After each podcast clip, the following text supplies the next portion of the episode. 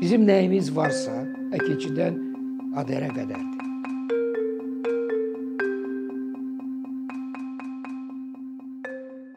Siz rus e, belə deyək də ədəbi fikirdə və hətta mədəni fikirdə belə bir ifadə var. Onlar deyirlər ki, Pushkin naše все. Yəni bizdə nə varsa hamısı Pushkindir. Yəni o deməkdirmi ki, Pushkinə qədər rus mədəniyyəti vakuum olub. Yəni Pushkin 19-da, yəni 1799-da doğulub, yəni 19 sayı olar. Yəni 19-a qədər heç nə olmayıb və 20 20-dən sonra heç nə olmayıb. Belə deyil əlbəttə. Hansısa mənalar, hansısa mənalar Pushkinlə keçir. Hətta Pushkini inkar eləyən adam yenə Pushkini inkar eləyir. Yəni Pushkin elə bir hansısa mənaların toplusudur. Oradan keçir hər şey.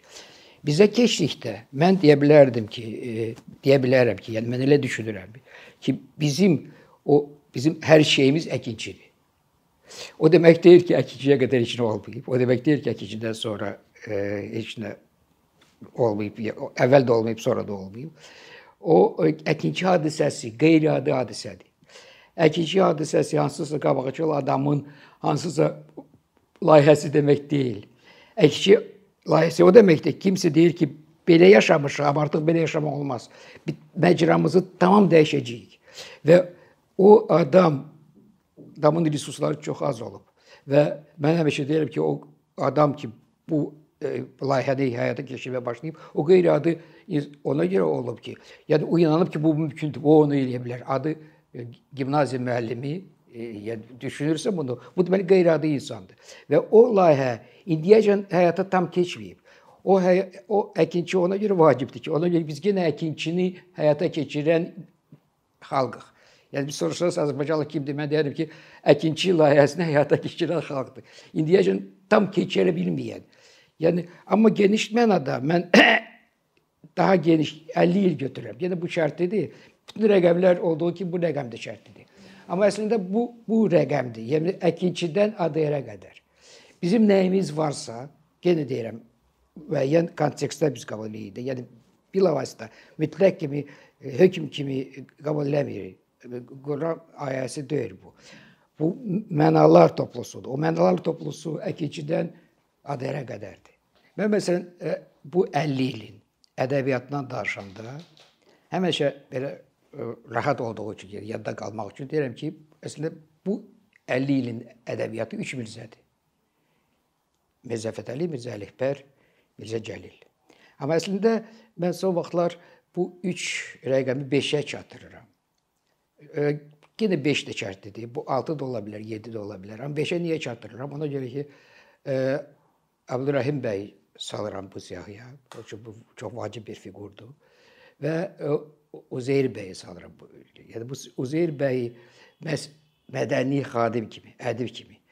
Və bu nə baş verir? Yəni o biz yenə deyirik, bu klişe ilə deyə bilərik ki, gözəl yazıçılar yaranıb, nə bilim parlaq yazıçılar yaranıb. Bu sözlər o qədər də mənası yoxdur. Bu sözlərin daha dəqiq ifadəsini vermək lazımdır. Nədir bu? Bu hansısa toplum, yəni özünü tanımayan, özü haqqında biliyi olmayan, formalaşmayan, struktur olmayan toplum birdən-birə lallığından, lallıqdan çıxır. Yəni bu özün özü haqqında danışmağa başlayır. Bu faktdır. Bu, fakt elə bir biz hardasa oyanırıq. Oyanışdır bu. Bu, o, o yazıçılar 5-i, 7 ola bilər. Kimsə deyə bilər ki, bu bu da salaq. Yəni bu ədəbi də salaq. Söhbət 5 5-dən getmir. Söhbət prinsipdən gedir ki, bu yazıçılar bizə imkan verdi ki, biz özümüzü tanıyaq və biz yaranaq. Yəni onlar bizi təsvirləmədilər, onlar bizi yaratdılar. O bu bunu çox aydın biz gərək bir e, dərk eləyək ki, onlar bizi yaratdılar qəribədir ki, məsələn bu yaxında bir e, biz biz 4 nəfərdik. Rəşad Şirin Abdulrəhim bəyin bir e, parçasını oxuyurdu. Deməli onun bir bir parlaq bir neçə parlaq əsəri var. O cümlədən o cümlədən Xortdanın cəhənnəmdən e, məktubları. E, o və biz hamımız gülürdük. E, və bu gülüş də qəribə idi. Bu gülüş o idi ki, bizimiz yəni biz özümüzü tanıyırdıq orada. Elə bir e, o ola bilər ki, məsələn, hansısa əcnəbi e, yazıçı biz oxuyaq və ləzzət eləsin, yumoru güclü olsun, nə bilim Gogol olsun, Molière olsun kimsə. Amma bu elə bir biz biz eləyirdi ki, bu bizik. Yəni e, o əsər bizdən danışır. onun e, gülməyi də bizim gülüşümüzdür. Ona deyim ki, yəni bu 5-ini də götürsək, 5-i də əslində gülüş ustasıdır. Düzdür, bu gülüşlər palitrası xeyli fərqlidir. Yəni biri çox acıdır, Mirzə Cəlil çox acıdır. E, Uzeyr bəy məsələn Məştibadı götürsən, bu bəlhəm də elə bil. Əbdülrəhim bəy sarkazm var. E, Mirzə Fətəli bir cür dindi söz kimsə daha dəqiq söz tapa bilər. Mirzə Ələkbər də belə. Amma əslində bu gülüş bizi nədənsə oyadıb. Birinci illallıqdan oyadıb. Və mən həmişə düşünürəm ki, bu lallı bu nə qədər vacibdirsə, yəni bu daha geniş mənada başqa lallıqdan da biz bizi qurtarmalı idi. Yəni o lallıqda biz hələ qurtarmamışıq. Ona görə mən müəyyən mənada özümüzü lal mədəniyyət adlandırıram. Yəni mənə elə ki, bizim mədəniyyətimiz lal mədəniyyətdir. Yəni nə deməkdir? Sənətdə özünü daha dəqiq ifadə edir. Nəinki e, e, düşüncə söz sözdə, yəni e, bədii sözdən ayrılmış refleksiyada. Onu deyim ki, məsələn, burada qəribə bir şey yoxdur. Məsələn, e, düz ruslar razı razılaşmırlar, amma e, əcnəbi kulturalları, bilgilərinin çoxsu deyirlər ki, əslində Puşkinə qədər rus mədəniyyəti lal mədəniyyətidir. Yəni demək deyil ki, nə yox idi. O demək deyil ki, o sözlə ifadə olunmurdu. Ona görə o sözlə ifadə olunan mənim üçün məsələn onun şeylər var da, e, e, qütbləri var.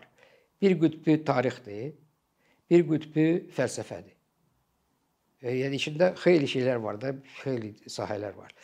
Mən həmişə düşünürəm ki, biz məsələn niyə mən tariximizi yanlış, yanlışlıq sayıram da, yanlışlıq düzmü tələffüz edirəm ya yox bilmirəm.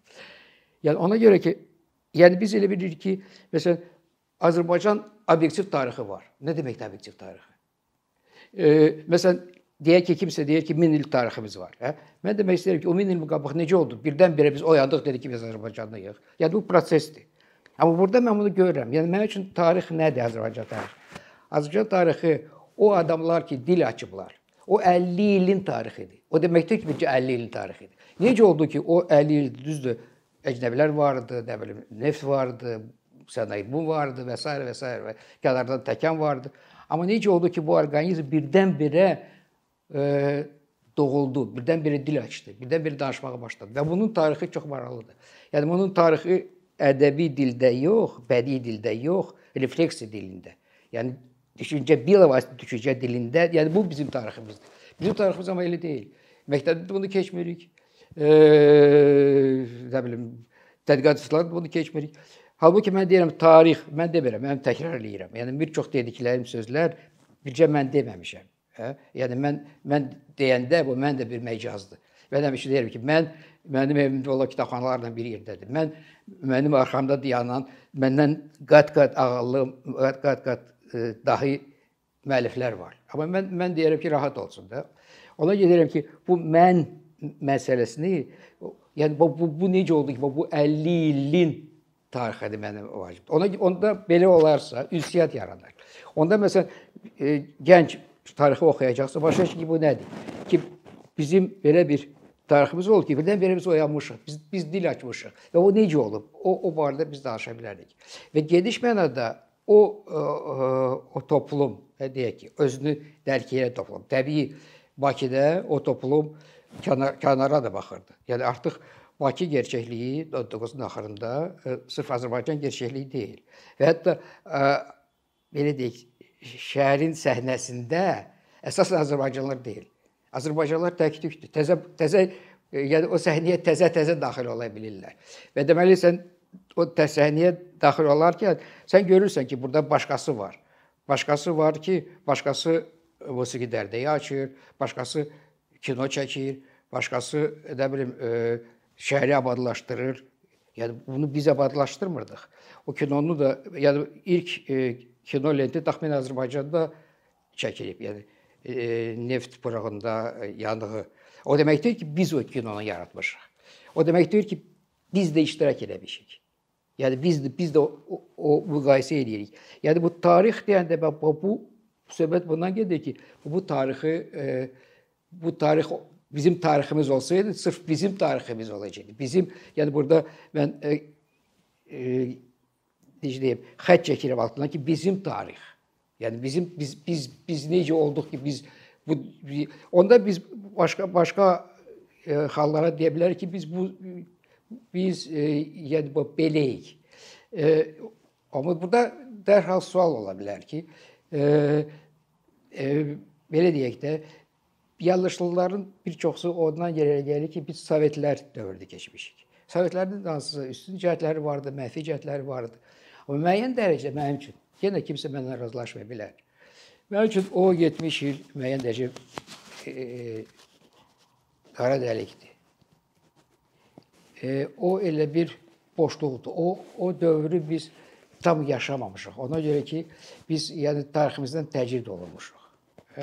Söhbət ona getmir, kimsə bizi zəbt eləyib. Zəbt e, e, ondan qabaq da, yəni biz Rusiya imperiyasının tərkibində yaşayırdıq. Söhbət ona gedir ki, bu e, əkinçidən ADR-ə qədər olan prosesin qabağı kəsilib. Yəni o o davam eləməyib. O elə bir təzədən başlamışıq biz.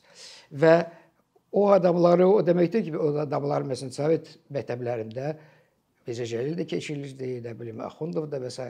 Amma onlar artıq Sovetlərə uyğun ideoloji e, təsvir vermişlər onlara. Ona görə bu normal inkişafın qabağını demək olar ki, e, Sovet dövrü aldı. Yəni mən elə düşünürəm.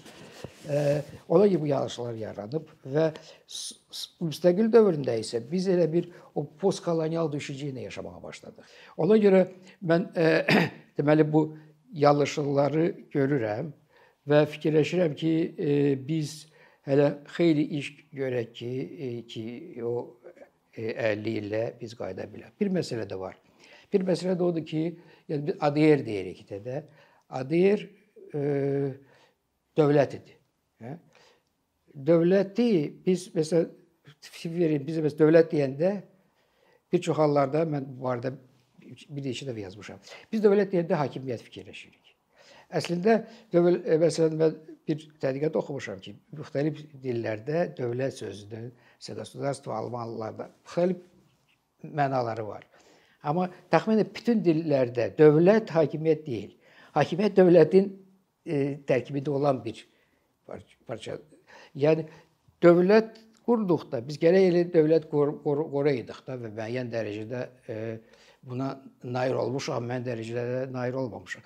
Ki bütün zümrələr bir-biri ilə təmas tapsın, ünsiyyət tapsın və e, hər zümrənin e, öz yeri olsun. O cümlədən məsələn, mən fikirləşirəm 20-ci əsrdə mən bununla da bir çox adamlar mənlə razı deyirlər. Mən mənim yanaşmama elitist yanaşma adlandırırlar. Bu nə deməkdir elitist yanaşma? Yəni mən elitasız dövlətlərə, elitasız cəmiyyətlərə inanmıram. Yəni elita olanda mən siyasi elita demirəm, mən ilk növbədə intellektual elita deyirəm. Yəni düşüncə adamlarını deyirəm. Yəni niyə mən bunu deyirəm? Bu, bu da mənim sözüm deyil. Yəni dünya mürəkkəbdirsə və dünya biz görürük mürəkkəbdir və getdikcə mürəkkəbləşir. E, hətta 19 ilə müqayisədə dünya xeyli mürəkkəbləşib. Dünya mürəkkəbləşibsə onu yaşadan insanlar lazımdır. Və və E, nəinki Azərbaycanda, nə bilim Amerika e, intellektualları başa düşür ki, 100% əhali e, mürəkkəb dünyanı yaşada bilməz. O prinsipdə yaşaya bilməz. O daha sadə prinsiplərdə yaşamalıdır. Ağ-qara, hə yox, bura getmə, belə bir qorxuludur. Bunu yemə və s. və s. Yəni bu bu bu e, mənalar dünyasında yaşamalıdır. Amma hansısa əhali olmalıdır ki, mürəkkəb dünyanın mürəkkəb yaşantı prinsipləri qoymalıdır. Ona elit olmayanda, amma bizdə heç elita yoxdur. Ona görə ki, ağıllı adamlar yoxdur. Ona görə yox ki, ağıllı fikirlər yazılmır. Ona görə ki, ağıllı kitablar yoxdur. Ona görə ki, onun necə deyim, sosial strukturda onun yeri yoxdur. O onun statusu yoxdur. Onun əhəmiyyəti yoxdur. Onun hətta hakimiyyətdən vacibliyi də yoxdur. O, o, o elit yoxdur ki, onu məsələn prezident onlar, onlardan soruşsun. Hə? Yəni bu bilsin ki, bu başqa bunlar olmayanda bu kütləvi cəmiyyətə çevrilir. Kütləvi cəmiyyət isə hayküy ilə yaşayır, e, coşur, e, qəhrəman axtarır, qəhrəmanlıqdan danışır, amma halbuki bir işə çatanda məlum olur ki, 2-3 də qəhrəmanı da yoxdur. Yəni demək istəyirəm ki, o normal dövlət də, yəni ikincidən ADR-ə qədər olan dövrü Adeyer də qutardı. Adeyer əslində ölkədir. Bu bəyanat şəklində olsa da bizdən daha ə, təkmil idi belə deyək də. Yəni onun parlamenti görsək, o parlamentdə ermənilər də var idi, o parlamentdə müxtəlif e, cərəyanlar da var idi. Ümumiyyətlə o 50 il da çox mənim üçün e, e, möcüzədir ki, müxtəlif cərəyanlar yarandı. Müxtəlif insanlar yarandı. O insanlar heç də bir-biri ilə tam belə deyək, dinc yolla danışmırlar. Bəzən bir-birini ittiham edirdilər. Bəzi düşmən, bəzi hallarda tam düşmən idilər. Bəzi hallarda bir-birini görən gözləri yox idi. Amma o spektr var idi. O spektr e, bir çox hallarda bəlkə sadəlövhüdür, yəni dövlət mənasında sadəlövhüdür. Amma hər halda o 50 il e, çox vacibdir. Bir məsələni də e, indi o məntiqlə e, o, o e, necə deyim, o o zəncir bu yerə çatdı. Yəni məndən sual verirlər ki, niyə mən feminist feministəm, niyə mən feminist yanaşmaya üstünlük verirəm? Söhbət ondadır ki, e, yəni əslində əkinçini əkinçi fəlsəfəsini götürsək, əkinçi fəlsəfəsi nə deyirdi? Əkinçi fəlsəfəsi təxmin, yəni bilavasitə Həsən bəy bunu ifadə eləməsə də, hə? yəni ki, qəzetlə yaşamaq istəyir, yaşamaq lazımdır, məktəblə yaşamaq lazımdır, nə bilim, teatrda yaşamaq lazımdır, e, şəhər özünü idarə ilə yaşamalı və s. və s. və s. Bu deməkdir ki, köhnə üsuldan biz imtina edirik. Köhnə üsul nədir? Dədə-baba qaydaları. Dədə-baba qaydaları nədir? Dədə-baba qaydaları kişilər dünyasıdır. Dədə-baba qaydalar kişilər qoyduğu və kişi e, fikirdə də kişi dünyası olan dünyada və o dünyada e, qadınlara yer yoxdur. Və bir fikir verin. Məsələn, indi e, e, belə deyək də, hakim sinif, kişilər hakim sinif, yəni dırnaqda deyirəm. Hakim sinif başa düşür ki, dünya var və dünyada məsələn gender söhbətləri var. Ona görə qadınlara müəyyən imkan yaradır. Amma o imkan kişilərin dünyasında qadınlara ayrılan yerdir. Hə? Və elə qadınlar var ki, artıq razı deyillər və müəyyən bir üsyan eləyirlər və üsyan hamının kassasıdır, nəinki kişini, hətta qadınları. Ona görə ki, o o kafalarda olan inqilab biz hələ yaşamamışıq əslində. Biz başa düşməmişik ki, dədə babaya da qutardı, əcdadlar qutardı.